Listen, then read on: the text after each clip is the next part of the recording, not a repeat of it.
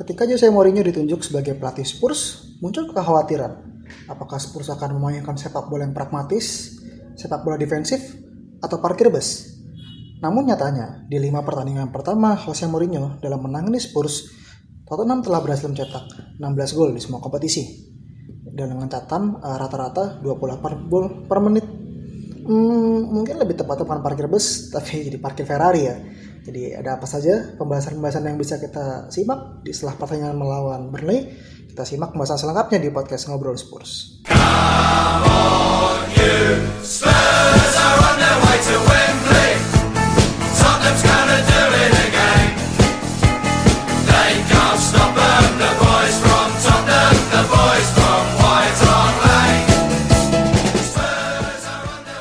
Oke, okay, ya tadi uh, kembali lagi bersama gue Suryo di podcast Ngobrol Spurs.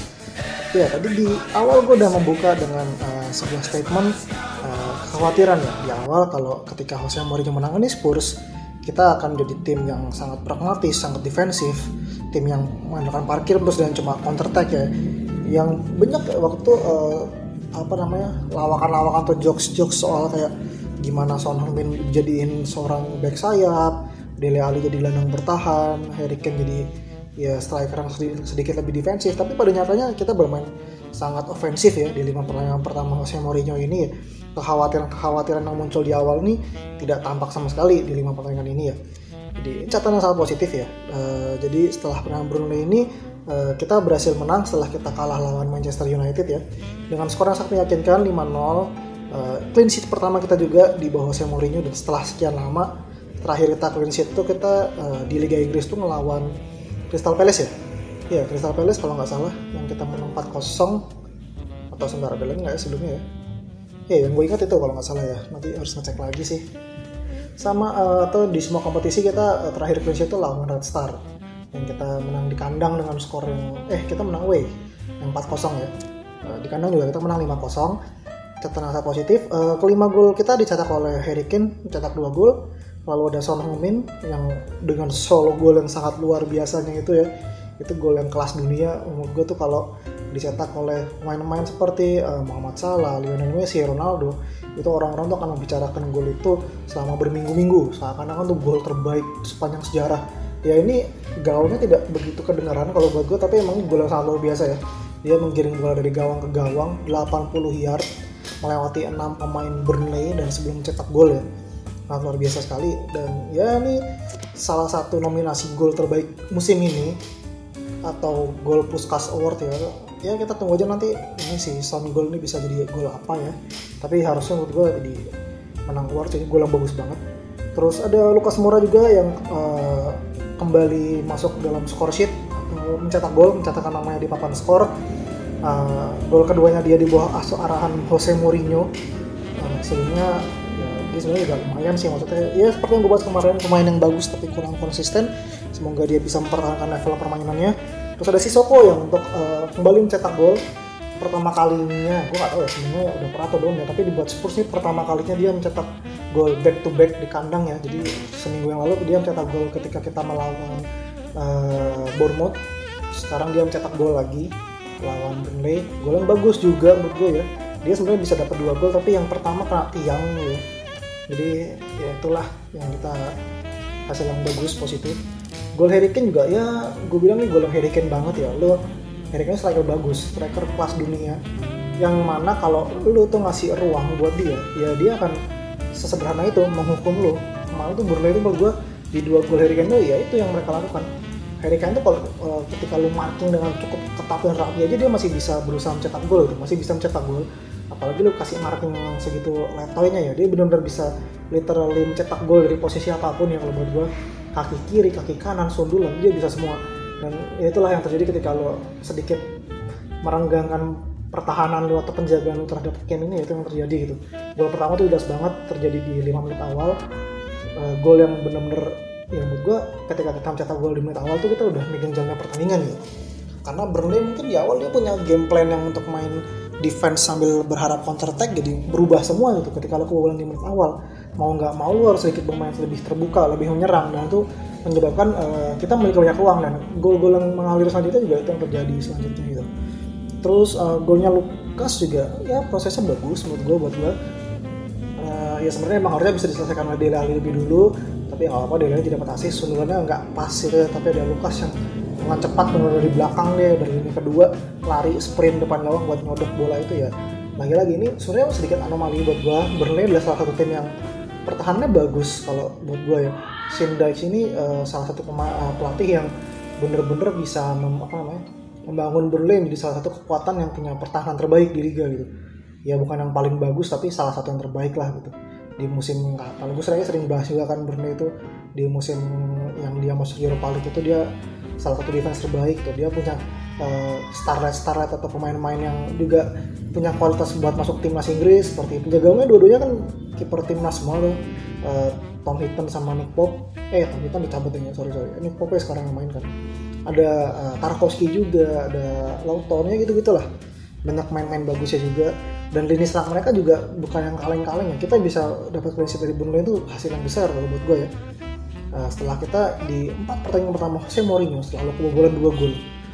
Terus apalagi ya jalan apa yang kemarin ya highlight highlight gue ya nggak banyak sih ya perjalanan pertandingan soalnya cenderung satu arah. Terus kita tidak berhasil secara struktural permainan juga kita bisa mengunci dan menjaga rapatnya pertahanan kita. Sampai akhirnya kita bisa mengunci skor ini terus ya emang setelah menit 70 setelah kita mencetak gol kelima tuh sedikit ya kita melakukan intensitas terus juga pemain-pemain muda kita masuk untuk uh, menggantikan pemain-pemain uh, senior kita yang diberikan waktu istirahat.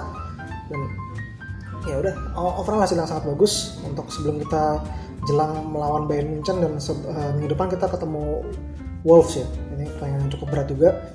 Uh, terus lagi ya yang bisa gue bahas ya? Mungkin uh, gue membahas satu-satu pemain tadi udah beberapa pemain udah gue sebut juga tadi uh, yang mencetak gol. Terus juga uh, ya mungkin tadi sedikit tambahan juga si Soko lupa gue sebut.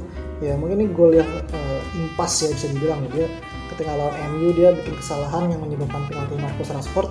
Walaupun nggak tahu sih itu penaltinya agak ringan banget agak soft penalti ya kalau buat gue tapi ya ya keputusannya kita harus terima dan kita harus respect sama keputusan itu tapi sekarang dia bisa membayar itu lagi dan ini sih yang mungkin gue kaget ya mungkin nggak tahu nih efek dari Jose Mourinho atau bukan. Jose Mourinho sendiri bilang kalau si Soko ini pemain yang lebih berkarakter menyerang dia bukan seorang gelandang tengah. Ya, dan ya mungkin gol ini membuktikan atau menjadi statement kalau emang si Soko punya kualitas di situ. Uh, dia mungkin bukan pemain yang paling technical player bukan pemain yang punya finishing bagus. Crossing sebenarnya lumayan buat gue buat gue passingnya juga oke. okay. Dia juga beberapa kali bikin uh, hasil-hasil pas itu. Tapi yang juga kualitas terbesar dari si Soko adalah dia punya fisik yang sangat kuat ini. Buat main umur 30 tahun dia bisa sprint dia bisa bener-bener mengcover bener-bener literally seluruh lapangan ini ya relatif. Dia bisa tiba-tiba dari depan ke sebelah kanan tiba-tiba ntar dia cover di kiri belakang dia ikut naik lagi ikut sprint bolak-balik. Dan dia tuh kuat banget di situ. Dan yang ini harus kualitas yang harus dimanfaatkan oleh seorang Musa Sissoko gitu. Dia tinggal sedikit ditanamkan ya sekarang udah kelihatan sih dia uh, football IQ-nya dia tuh lebih meningkat dibandingkan sebelum-sebelumnya ya. Dia lebih punya uh, intelligence yang lebih baik. Itu sih buat Sissoko mungkin ada gue sebenarnya cuma pengen bahas uh, dua pemain tambahan lagi yang pengen gue bahas yaitu pertama Jan Vertonghen yang mungkin dia uh, menjadi salah satu kandidat asis terbaik dalam di satu dekade ini setelah Tom Carroll. Ya ya golnya Son itu kan hasil clearance-nya uh, Vertonghen ya. Jadi ada bola set piece Burnley dia kirim coba kirim ke kotak penalti situ ada Vertonghen dia makin siapa tuh gue lupa tapi dia nyapu dengan kaki kiri dia dan bola jatuh ke kaki Son. Son itu bawa bola gitu sampai depan gawang. Di wawancara setelah pertandingan Son sendiri bilang sebenarnya dia ketika dia bawa bola dia sebenarnya mau cari mau passing Dele Alli cuma dia nggak bisa lihat Dele posisinya mungkin sedang tidak enak atau di marknya lawan ya akhirnya dia berusaha bawa bola aja dan tahu-tahu dia dari depan gitu. Dan ya dan uh, kalau soal pertolongan sendiri yang paling gue bahas adalah soal uh, ini kan starter startingnya dia tiga kali berturut-turut ya di bawah Mourinho ya. Terakhir itu kita kan lawan lawan siapa ya? Lawan Bournemouth ya? Yang Denny Rose main tuh ya? Atau lawan West Ham ya?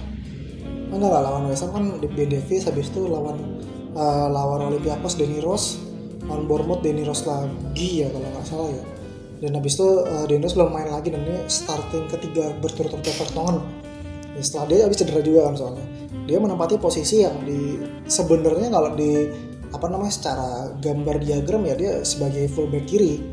Dia main sebagai posisi fullback tapi secara uh, praktikalnya atau realita, realita di lapangannya dia di sini menempati uh, tiga posisi yang berbeda kalau buat gue. Ya. Ketika bertahan dia di sini membentuk uh, seperti back three eh enggak back four ya. Dia back, eh, back four bentar dia sebagai fullback ketika dia apa namanya sedikit kita sedikit main ke dalam dia jadi back three juga. Ketika posisi menyerang juga dia jadi back three juga. Jadi back tengah tiga. Uh, ketika offense juga bisa ikut naik juga jadi fullback dan di situasi-situasi tertentu ya seperti kita mau cari second ball dia sih agak naik lagi. Bikin double pivot sama Eric Dyer. Dia bikin uh, dua DM sama Eric Dyer. Emang situ bikin space yang cukup besar di kiri tapi kita tidak banyak dapat ancaman di situ. Dan ya taktik ini bisa berjalan dengan baik ya. Dan menurut gue ini bisa berjalan dengan sempurna ya karena emang situ Vertonghen yang di situ. Dia punya kualitas di situ dia emang di timnas dan di klub juga beberapa kali main sebagai seorang back kiri full back kiri. Dan dia punya kualitas sebagai back tengah dia juga bisa bawa bola ke depan dia bisa menangin. Kalau buat aerial duel tuh kok menurutnya main paling bagus seperti sebenarnya kalau nggak Dyer ya Vertonghen sama Sanchez. Tapi ya dibanding Alderweireld ya Vertonghen lebih bagus di udara kalau buat gue ya dan ya itu kualitas yang bisa dikeluarkan oleh Mourinho penyesuaian-penyesuaian taktik yang dia lakukan untuk mengeluarkan uh, kemampuan-kemampuan individu dari pemain Spurs ya. Nah, so far so good semua berjalan dengan baik. Dan ya semoga ini trennya bisa berlanjut ya. Dan ya kan sebenarnya emang taktiknya Spurs ini kan uh, secara keseimbangan kita lebih condong bergerak ke kanan ya. Jadi saya ini dipush buat naik sangat jauh ke depan lebih ke posisi wingback atau malah jadi kayak merangkap winger Lukas bisa masuk ke kotak penalti. Dan ya ini keseimbangan ini uh, diberikan oleh seorang Jan Vertonghen ini. Dengan Davinson Sanchez harus geser ke kanan ke Alderweireld ke tengah. Dan Vertonghen juga ikut geser ke tengah gitu. Dan ya ini mungkin emang kalau di atas kertas ini sedikit kompleks tapi ya nyatanya bisa dieksekusi dengan sangat baik gitu oleh uh, Vertonghen dan pemain-pemain Spurs lainnya. Kemudian Dick Dyer, Eric Dyer ketika lawan MU dia dipinggirkan tidak main, uh, dia kembali lagi ke starting line up dan menurut gue ini penampilan terbaiknya Dyer ya setelah sekian lama. Dia di sini benar-benar bisa kasih proteksi buat uh, back four kita, terus juga dia bisa menangin second ball, dia movementnya juga pergerakan juga cukup cepat. Dalam membaca pergerakan teman-temannya dia situ bisa jadi opsi passing buat teman-temannya. Uh, dia bisa jadi apa ya uh, buat menangin second ball buat jadi sehingga second ball ini penting banget kalau buat tim-tim yang mengalami pressing ya. Memang pressing kita ini sebenarnya tidak seintens di eranya Mauricio Pochettino tapi kita tetap uh, basic taktik kita kita main pressing kita maksa lawan kita buat main pressing dan ya emang lawan-lawan ketika kita bertanding lawan tim yang level di bawah kita ya kita akan banyak melihat uh, fenomena atau taktik lawan tuh yang menggunakan bola-bola jauh, bola-bola counter attack. Dan di situ peran Eric Dyer yang muncul di situ. Dan ya dia bisa menjalankan itu dengan baik gitu. Dan ya seperti yang gue bilang tadi, uh, si Soko tidak banyak bergerak di tengah sebenarnya ya. Dia banyak entah mengcover Aurier di kanan atau ikut naik ke depan dan uh, di situ ada yang Vertonghen dan Eric Dyer untuk uh, skema dua gelandang bertahan. Semua berjalan dengan baik secara taktik dan ya bagus. Hasilnya juga uh, terlihat dari skornya juga kan ya. Terus uh, ya mungkin juga nggak tahu ya Eric Dyer juga seperti yang kita tahu juga pemain favoritnya Mourinho. Dia di wawancara dan konferensi pers juga ngomong ya uh, merasa Mourinho dia cukup nyaman main sama Mourinho karena Mourinho tahu apa yang dia inginkan tahu apa yang dia butuhkan dia kasih dia menit juga yang mana buat seorang pemain itu ketika lo dimainkan terus lo akan dapat jatah permainan reguler dia bisa menampilkan level permainan yang apa ya yang maksudnya uh, lebih dapat ritme atau make sense gitu ya. Jadi dapat apa ya suasana pertandingannya lah intensitas dari seorang ya lu maksudnya kan main ketika di sesi latihan sama di pertandingan beda pasti kan dan ketika lu semakin banyak menit bermain di lapangan semakin sering semakin konsisten dengan jeda waktu yang rutin ya lu bisa kembali ke level permainan lu yang sesungguhnya gitu. Terus apalagi ya, ya mungkin faktor bahasa juga. Akhirnya bisa bahasa Portugis Jose Mourinho juga Portugis. Ya komunikasi keduanya bisa berjalan dengan lebih baik. Keduanya bisa saling lebih apa ya lebih enak komunikasinya gitu. Terus uh, yang menarik juga di pertandingan ini kita menurunkan tiga youngster kita di sebagai pengganti. Dan ya ini juga salah satu hal-hal uh, yang mungkin tidak Mourinho banget ya. Walaupun di MU dia sudah melakukan ini dia memberikan banyak menit main untuk uh, youngster youngsternya dia. Seperti ya siapa ya Mason Greenwood terus Scott McTominay terus uh, Axel Tuanzebe gitu-gitu ya kalau dia ya. Sekarang dia pertandingan ini masih kesempatan buat Oliver Skip buat Rian Sessegnon dan yang terakhir Troy Parrott yang menjalani debutnya di pertandingan ini. Debut Liga Inggris pertama dia ya. Ya ini yang menarik juga dan ya gue sempat sebenarnya sempat pesimis dengan masa depannya Oliver Skip. Dia di era di tangan Mauricio ini salah satu pemain yang cukup penting. Maksudnya uh, buat main usia 19 tahun di posisi gelandang ini dia uh, ya sering cukup sering dilibatkan uh, ke tim utama ya. Walaupun case-nya Oliver Skip ini sebenarnya dia uh, kalau dulu kan yang mau dipromot atau mau dinaikkan sama Pochettino kan si uh, Luke Amos ya. Sayangnya Luke Amos harus mengalami cedera panjang sehingga dia dapat kesempatan ini untuk masuk uh, ke tim utama. Dan ya Oliver Skip manfaatkan dengan baik. Dia di beberapa kesempatan tampil dengan cukup oke okay untuk main umur 19 tahun walaupun memang levelnya masih cukup jauh. Tapi dia kesempatan. Uh, terus Ryan Sesenya juga ya seperti biasa Mourinho juga udah berkali-kali ngomong dia suka dia tahu kualitas Sesenya dan dia uh, sedang apa namanya dia punya prospek dan dia semoga dia bisa memanfaatkan prospek untuk kemampuan terbaiknya dari Ryan Sesenya ini ya hmm, dia kemarin main di posisi kiri winger kiri. Emang nggak banyak dapat bola nggak banyak bikin aksi juga. Tapi ya lu dapat uh, bermain di lapangannya adalah satu hal yang bagus gitu. Ya emang mungkin Sesenya juga di awal sempat pesimis ya karena dia salah satu buruan nama Pochettino. Dia juga alasan dia pergi ke Spurs juga salah satu ada Pochettino. Uh, apa namanya? Uh, dia senang dengan Pochettino yang bisa mengorbitkan pemain-pemain Inggris ini. Dengan track record dia dia makanya dia mau ke Spurs walaupun di tengah jalan Mauricio Pochettino tidak lanjut ya. Tapi ya dia tetap dapat kesempatan sama Mourinho gitu dan ya bersyukur lah hal yang bagus. Kemudian terakhir Troy Parrott Troy Parrott yang masuk paling terakhir menggantikan uh, Dele Alli ya dia terakhir ya atau Heung-min ya gue lupa. Atau ya bener kayaknya mengalihkan Dele Alli. Uh, kalau nggak Dele Alli siapa ya? Son Lukas deh ya ntar itulah. Dia main sebagai striker scan yang nggak mundur. Ya emang dia juga sama tidak banyak uh, memberikan aksi tapi ya lo merasakan atmosfer pertandingan dapat menit bermain itu suatu hal yang spesial gitu. di akhir juga Mourinho nyari match ball dia ngambil bola mau dikasih ke Troy Parrott gitu. Ini buat ya hadiah kenang-kenangan lo buat penanda kalau lo udah debut di Liga Inggris gitu. Mario saya juga ngomong ternyata kan punya kualitas dia minggu lalu main nonton Level Parrot main di UEFA Youth League ya lawan orang-orang yang seumuran dengan dia seminggu ini di sekarang kemarin bisa di level profesional level senior. Ya ini suatu lonjakan besar buat Parrot itu dan dapat kabar juga emang mungkin uh, Mourinho uh, ingin memberikan peran lebih ya buat Roy Parrot uh, lebih backup Ken ya. Mungkin emang jadi backup Ken itu adalah salah satu role paling sulit di dunia. Tapi ya mungkin Troy bisa menjalani itu. Dia bakal dapat kesempatan mainnya dia mencari FA Cup. Terus nanti juga uh, berita-beritanya nanti dia uh, lawan Munchen dia juga bakal dapat full debut di situ. Setelah sebelumnya dia kan full debut di Carling kemarin ya. Dia nanti bakal debut di situ main full terus kalau buat yang master lainnya Oliver Skip dan Japet Tanganga kabar terbarunya Mourinho mempertimbangkan untuk uh, meminjamkan mereka tapi ke tim yang Premier League ya. Nah kalau Premier League bukan Championship untuk dapat jatah main lebih reguler untuk dapat uh, ya level permainan dan ya itulah dia jatah main, main senior yang lebih banyak ya. Utamanya seperti itu. Dan dia mungkin salah satu kebijakan yang berbeda dengan Mauricio Pochettino uh, ketika Pochettino lebih memilih untuk para youngster youngster potensial ini untuk lebih baik lu gabung sama latihan bareng tim utama walaupun tidak dapat jatah main di uh, level senior ya. Ya salah satu contoh berhasilnya kan udah Harry Wings yang diintegrasikan pelan-pelan dan sukses untuk menembus tim utama sampai sekarang. Nah, ya kita tunggu aja ini menarik. Gue sendiri melihat Oliver Skip ini punya kualitas yang sama atau mungkin mirip dengan Harry Winks di awal. Dia bisa pegang bola dia passingnya juga cukup oke. Okay. terupas terupasnya itu bagus rapi banget. Nah, kalau kalian ingat juga walaupun ini cuma matchnya testing atau trial stadion baru waktu itu kan uh, Oliver Skip adalah pemain pertama yang bikin assist di stadion baru kita. Jadi ya itulah. Dan atau mungkin kalau kalau ingat kita lawan Tranmere yang kita menang 7-0 Oliver Skip bikin dua assist di situ. Ya dia punya kualitas di situ. Dia kalau main di level championship mungkin udah level tuh udah sedikit di bawahnya dia ya. Dan dia butuh level main di Premier League. Dan ya menarik kita tunggu aja masa depan mereka. Aja petangga juga ini gue suka. Dan ya mungkin kebijakan peminjaman pemain ini bisa dilakukan oleh Jose karena mengingat ketebalan squad kita ya. Squad kita cukup tebal. Walaupun mungkin kalau capek tangan kan juga agak ragu-ragu ya tapi mungkin bisa. Karena kita di atas kertas kita back tengah tuh punya empat sekarang ya. Ada one fight juga. Fight uh, fight tengah Alderweireld Sanchez. Terus Ben Davis bisa main di situ juga walaupun lagi cedera.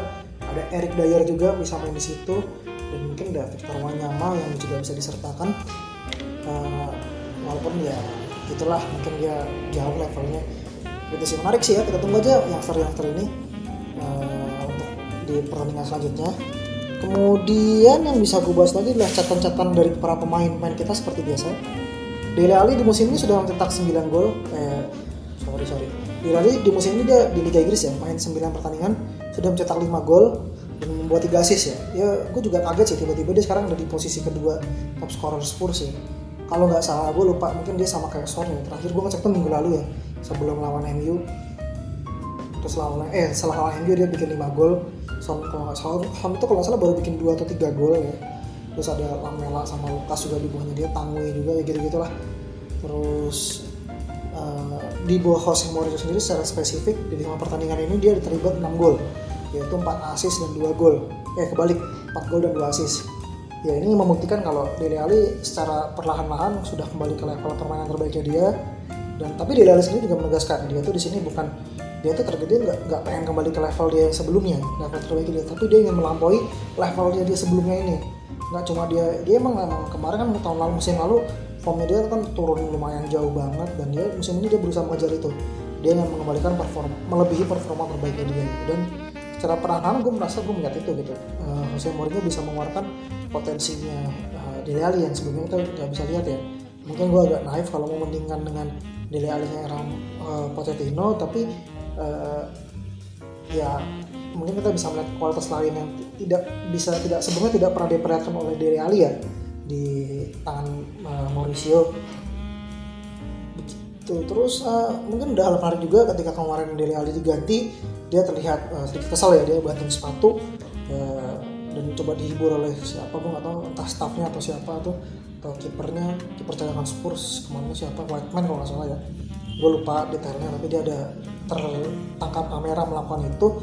Uh, gue merasa ini sinyal yang positif karena dia dia mungkin nggak asal karena diganti tapi dia asal tidak bisa memberikan penampilan terbaiknya dia. Walaupun dia bikin dua assist dia bikin assist buat golnya Lukas bikin assist buat golnya Kane tapi dia mungkin merasa dia bisa lebih baik dari itu. Ada satu peluang uh, di Lali juga udah one on one tapi dia uh, harusnya bisa menceploskan sendiri lebih cepat atau passing ke Son di sisi kanan tapi dia tidak melakukan itu. Ya mungkin dia juga salah satu momen yang bikin dia merasa dia harusnya bisa lebih baik gitu. Dan dia semoga saja ini uh, jadi momentum juga buat Dele Alli untuk uh, memperbaiki performa dia gitu. Karena ya uh, ya secara menurut gue menurut gue salah satu pemain yang paling konsisten di lima paling yang pertama Jose Mourinho adalah Dele Alli gitu. Selain Sanchez dan Alderweireld gitu ya mungkin Sanchez Alderweireld ini sedikit agak pengurangan nilai karena uh, kita kebobolan banyak. Walaupun performa secara permainan mereka meningkat cukup jauh. Tapi kalau Dele Alli ini kalau menurut gue benar-benar konsisten. Bahkan ketika melawan MU pun kemarin dia salah satu penampil terbaik kita gitu. Kita tunggu aja karena emang ya perannya sentral banget kan Dele Alli. Kemudian Son Heung-min di 15 pertandingan terakhir dia dia sudah terlibat dalam 15 gol. Dengan rincian 9 gol dan 6 assist secara spesifik di bulan November ini ya di setiap di semua kompetisi dia udah terlibat uh, 6 assist dan 5 gol. Gue sendiri kaget ketika ngeliat chart uh, dari apa namanya top assist Premier League uh, ada De Bruyne seperti biasa di peringkat pertama dengan 9 assist kemudian Son Heung-min di peringkat 2 udah bikin 7 assist di Liga Inggris. Gue cukup kaget maksudnya kan kita tahu Son kan pemain yang sebenarnya cukup egois. Dia seorang yang haus akan gol dia kalau depan gawang ini uh, cenderung untuk mencetak gol sendiri. Tapi nyatanya dia catatan asisnya dia cukup banyak gitu. Ini menarik sih menurut gue uh, dan ya mungkin kebanyakan juga asisnya dia dirasakan di era uh, Jose Mourinho ini. Dan ya mungkin emang uh, lebih skema yang atau filosofi yang coba ingin ditanamkan Jose Mourinho ya. Dia menggunakan dua uh, winger cepat ya seperti yang dia terapkan sebelum-sebelumnya di Chelsea di uh, Real Madrid. Ya mungkin inilah skema favoritnya Jose Mourinho gitu. Dan ini bisa mengeluarkan sisi terbaiknya dari Son Heung-min dan Lucas Moura gitu. Terus terakhir mungkin Harry Kane yang juga punya catatan menarik di musim ini dia sudah bikin 25 gol atau terlibat 25 gol dari 26 pertandingan di semua kompetisi untuk Spurs dan timnas. Ini catatan luar biasa ya buat uh, seorang one season wonder. Eh sorry kebalik gue 26 gol dari 25 pertandingan. Iya, kalau satu dengan cuma eh enggak benar-benar 25, 25 gol dari 26 pertandingan yang penalti cuma 6 gol. Walaupun main di Inggris ya. Ya ini catatan yang sangat luar biasa ya buat Harry Kane ya.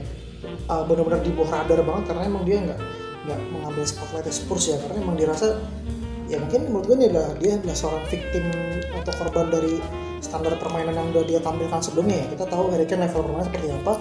Ya ketika dia menampilkan level yang sama orang tidak akan terlalu menggubris kayak oh ya udah emang Harry Kane seperti itu.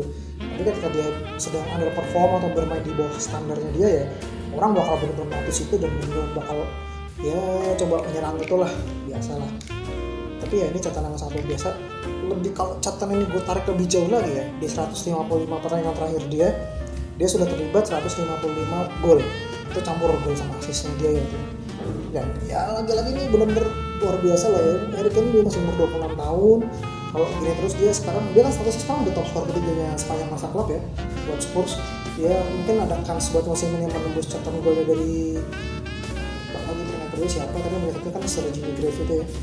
266 gol dan di, di timnas juga dia cuma kurang 20 gol dari catatan golnya Rooney di usia yang masih 26 tahun ini dia masih bisa mencapai semua itu gitu. Dia masih bisa ketemu satu World Cup lagi di usia 30 tahun atau 29 nanti ya. Uh, dia sekarang kan sementara jadi top skornya Inggris di World Cup ya skornya sama sama Jimmy Grave juga. Kalau nggak salah ya gue lupa gue ngecek lagi dengan 6 gol. Dan ya dia tinggal nambah pundi-pundi gol lagi ya. Dia bisa jadi top skor panjang masa Inggris di Liga Inggris eh di Liga Inggris di Piala Dunia gitu. Tahun depan masih ketemu Euro juga dia bisa jadi sosok sentral juga buat lini serang Gareth Southgate ya intinya ini uh, ya ini kita harus bersyukur lah kita punya striker hebat seperti Kane karena ya kalau gue pribadi dulu ketika nonton Spurs nih Spurs Spurs selalu bisa menemukan kiper-kiper yang oke okay, back-back yang oke okay, back sayap yang berkualitas gelandang yang oke okay, gelandang setengah oke okay, sayap yang oke. Okay. tapi Spurs selalu kesulitan untuk mencari striker-striker bagus. Dari zaman dulu gue ketika suka Spurs tuh menurut gue tuh PR Spurs cuma satu gak punya striker bagus. Nah sekarang kita punya striker bagus dan kita lihat sendiri gimana uh, seorang striker bagus ini bisa membawa sebuah tim ini ke sebuah ke level yang lebih tinggi lagi gitu. Ya ini ya ya emang menurut gue nih harusnya Spurs ini kalau buat gue pribadi uh, harus membangun tim berpusat pada Harry Kane. Gitu kita harus bikin gimana memaksimalkan uh, kemampuan terbaik dari Harry Kane gitu. Dan kita tahu sendiri juga Harry Kane kan setiap tahunnya benar-benar meningkat terus kan performa permainannya. Dia tidak cuma meningkatkan kemampuan di dalam mencetak gol tapi juga dia dalam overall keterlibatan permainan juga ditingkatkan. Passing-passing dia makin oke okay. dia bisa crossing juga dia bisa through dia bisa holding ball dia switch side dengan umpan terobosan atau umpan lambung yang benar-benar akurasinya tinggi banget gitu dan ya ini yang harus kita benar-benar kita maksimalkan dari seorang Harry Kane gitu untuk ya inilah kita dengan bangun tim di sekitar Harry Kane ini. Itu aja sih mungkin yang uh, secara umum hasil-hasil yang bisa dibahas dari pertandingan lawan Burnley. Selanjutnya kita akan ketemu Bayern Munchen hari Rabu di Liga Champions. Pertandingan yang sudah tidak menentukan sama sekali untuk kedua tim karena ya udah sama-sama mengunci posisi satu dan dua gitu. ntar gue minum dulu harus jadi buat Munchen sendiri udah pasti angkat satu apa pun hasilnya begitu juga dengan Spurs. Kedua tim juga sudah sama-sama memastikan lolos ya. Karena Olympiakos dan uh, Red Star sudah sama-sama tidak bisa mengejar catatan poin kedua tim.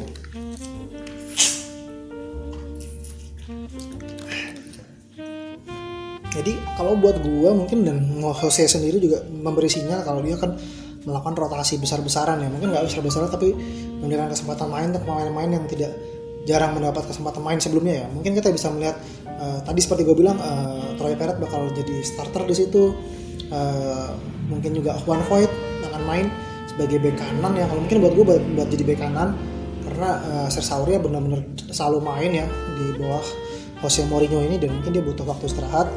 Terus juga mungkin Victor Wanyama juga bakal main gue nggak tahu sih walaupun uh, Mourinho sendiri bilang dia tahu kualitasnya Wanyama cuma dia emang ya nama pemain jarang main ya seperti itu pasti uh, ada hal-hal yang mungkin levelnya masih di bawah yang dia inginkan gitu. Tapi kita nggak tahu kita tunggu aja.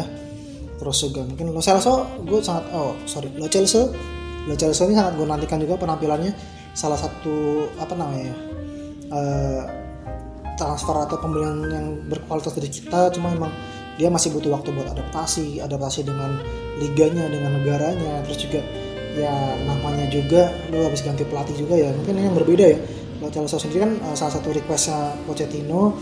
Sekarang dia uh, mungkin ketika di Pochettino Pochettino udah punya gambaran juga bakal seperti apa untuk menggunakan uh, Lo Celso ini. Tapi ya di bawah Jose Mourinho sendiri dia tidak uh, mungkin masih butuh adaptasi lagi lah gitu. Kemarin dia mungkin adaptasi dengan skema dan filosofi taktiknya Pochettino sekarang dia harus belajar lagi adaptasi lagi dengan uh, Jose. Walaupun mungkin ada salah satu faktor kecil yang gue bilang tadi ya sering gue bilang juga faktor bahasa dua-duanya bisa berbahasa. Eh sorry sorry orang Argentina kan bahasa Latin ya? Dia ya deh nggak bisa deh atau gue nggak tahu deh maksudnya kan juga Jose kan juga lama sempat lama di Spanyol.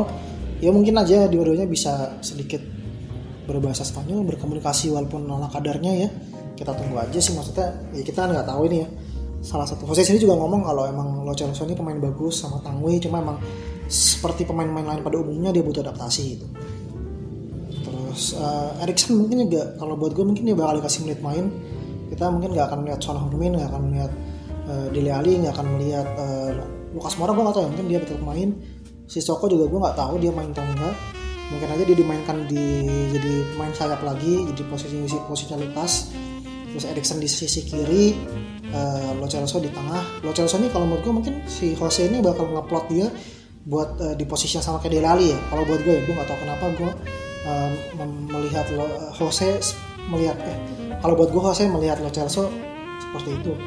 Emang dari kualitas dan apa namanya skill setnya juga kurang lebih sebenarnya emang berdua mirip gitu sih kalau buat gue ya. Jadi mungkin nanti di tengah yang bakal main Oliver Skip sama Wanyama. Mungkin mungkin soalnya kan Harry Wing sama Tangwe juga lagi cedera. Atau mungkin si Sokman ditaruh tengah kita juga nggak tahu sih. Terus tadi One Fight main terus gue nggak tahu mungkin. Oh atau Sesenya juga bisa main. Dibanding Erikson mungkin Sesenya yang di sayap kiri. Banyak lah kemungkinan kemungkinan yang bisa diturunkan pemain-pemain kita. Gazaniga mungkin tetap main mungkin Jose juga terlalu riskan untuk merotasi kiper. Ya karena juga Gazaniga kan kiper kedua kita statusnya ya.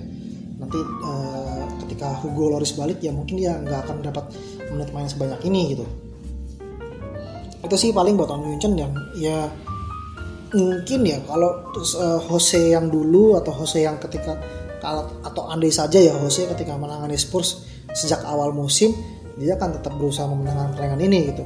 Mungkin karena ini untuk sebagai ego atau penegasan kalau Spurs ini salah satu yang bisa diperhitungkan juga di Liga Champions. Tapi buat sekarang menurut gue ya nggak masalah sih buat rotasi pemain ya. Toh di pertandingan ini ya lu mau menang 5-0 sama kalah 10-0 pun juga nggak akan mempengaruhi hasil gitu. Ya mungkin moral lo aja yang jadi jelek tapi secara hasil nggak akan berpengaruh karena udah sama-sama pasti lolos babak selanjutnya. Ketimbang lu membuang-buang tenaga yang kita juga di Liga Inggris bakal masuk periode padat di bulan Desember sampai Januari nanti ya mending kita simpan tenaga sebisa mungkin. Di pertandingan-pertandingan yang kita bisa rotasi ya mending kita rotasi gitu. Dan ya buat juga sama jatah menit main pemain-pemain lain juga itu sih paling jadi terus kemudian di Liga Inggris sendiri juga oh ya habis ini juga kita bakal ada undian FA Cup. Dan undian Liga Champions juga juga bentar lagi habis ini langsung harusnya ya hari Jumat biasanya kita tunggu aja nanti FA Cup juga kita juga bentar lagi tahu lawan kita dan biasanya kita juga ya pada keluar ya lawannya ya. Kayaknya udah keluar deh cuma gue lupa bacanya. Tapi ya ya ini juga salah satu kesempatan buat rotasi dan untuk main-main muda kita untuk unjuk gigi di level senior jika diberi kesempatan itu sih. Yang menarik juga mungkin kita 6 pertandingan selanjutnya di Liga Inggris kita bakal ketemu Wolves away di Molineux Stadium. Kita ketemu Chelsea di kandang ketemu Brighton ketemu Norwich away ketemu uh, Southampton away dan juga terakhir ketemu Liverpool di kandang. Liverpool ini berarti udah bulan Januari harusnya ya. Kita ketemu lagi. Ini menarik semua nih uh, kita ketemu Chelsea dan Liverpool ini jadi ujian besar buat Jose Mourinho maksudnya di tangga di di bawah Jose Mourinho ini seberapa jauh sih uh, Spurs ini levelnya dengan uh, tim top 4 ini? Mungkin sejauh ini ketika kita melawan apa namanya tim non top 6 atau top 7 kalau Leicester dihitung di bawah Mourinho ya kan baru baru ketemu MU sih ya. Ketemu tim gedenya ya kita bisa mati hasil maksimal gitu. Dan inilah seharusnya yang dilakukan oleh tim-tim calon juara gitu. Ya mungkin ntar di musim selanjutnya di bawah sih kita bisa seperti ini ya kita ngelawan tim-tim di luar top 7 ini bisa selalu menang terus kita ya terakhir buat mengunci juaranya ya kita tergantung kita gimana melawan tim-tim besar ini. Dan ya seharusnya di atas kertas ketika kita main di kandang ya kita harusnya bisa meraih hasil maksimal. Setidaknya tidak kalah kalau bisa menang. Dan yang menarik juga statistik kita di kandang ini ya setelah kita kalah 7-2 lawan Munchen kita ini belum pernah kalah. Kita menang 6 kali di mana kita memenangkan 4 eh, kalah seri dua kali mencetak 19 gol dan kebobolan 6 ya. Dan ini ya pelan-pelan kita sudah kembali ke level di mana kita sebelum meninggalkan Matt Harlan yang lama ya yang kita bisa semusim nggak kalah sama sekali 16 kali menang dua kali seri ya hasil yang sangat luar biasa sekali ya. Kita bisa melibas lawanan kita kita bisa bikin Matt Harlan sebagai stadion angker dan ya gue berharap sebenarnya ke depannya seperti itu lah kita bisa seperti itu lagi. Uh, ya karena kuncinya kita bisa meraih hasil maksimal di 18 pertandingan kandang ini.